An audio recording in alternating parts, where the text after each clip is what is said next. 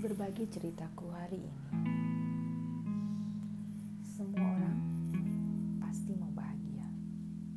Semua orang mau kepastian. Tapi adakah hal yang pasti dalam hidup seorang manusia kecuali kelahiran dan kematian? Hmm, pertanyaan sederhana dengan jawaban yang kompleks bagi sebagian orang. Pagi hari ini ceritaku diawali dengan misa yang mengingatkan pada dua kata yang sering kali kita dengar. Kesabaran dan ketekunan. Aku diingatkan bahwa kesabaran dan ketekunan akan membawa pada kebahagiaan. Jalan pintas hanya akan membawa pada kehampaan dan kesia-siaan. Bahagia itu bukan berarti kita memiliki segala sesuatu yang kita inginkan. Bahagia itu adalah bersyukur atas apa yang kita miliki saat ini tanpa harus menengok kiri, kanan, atas, bawah pada apa yang orang lain miliki.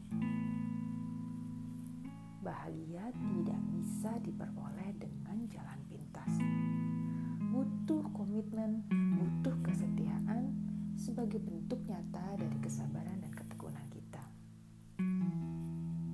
Bahagia itu kita loh yang menentukan. Yuk kita coba tiga langkah mendapatkan kebahagiaan. Yang pertama, lihat apa yang kita miliki saat ini dan sudahkah kita bersyukur. Lakukan kewajiban kita dengan komitmen dan tanggung jawab. Yang ketiga, jalani hidup dengan pikiran yang positif.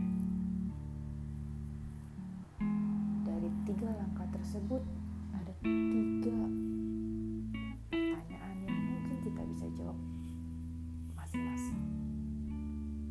Yang pertama, sudahkah kita gunakan apa yang kita miliki dengan rasa syukur kepada yang punya hidup? Atau saat ini kita hanya melihat pada apa yang tidak kita miliki, berkeluh kesah, lalu menyalahkan kegagalan hidup kita pada orang lain yang tidak mau membantu kita?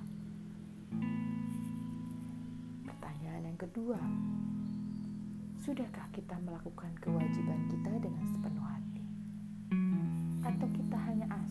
melakukan kewajiban yang penting selesai tanpa peduli hasilnya baik ataupun buruk.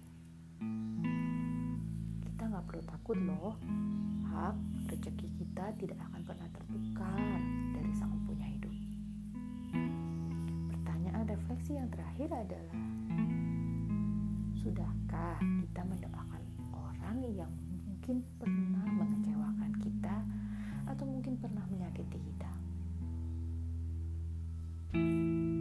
kita perlu mendoakan mereka?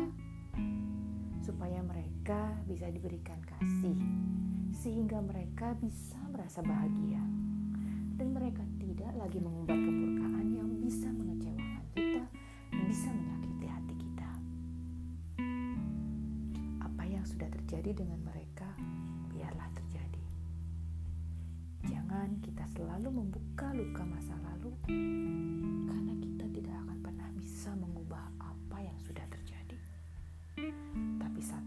yang kita bisa ubah, yang akan membedakan kita akan hidup bahagia atau kita akan merasa hampa dalam hidup, adalah bagaimana kita merespon setiap pembelajaran hidup. Pilihan kita hanya dua, kita merespon dengan kasih atau kita merespon dengan rasa sakit dan dendam. Yuk, kita pilih hati yang penuh kasih sehingga kita bisa mendapatkan kebahagiaan yang hakiki. Tunggu saya di cerita berikutnya ya.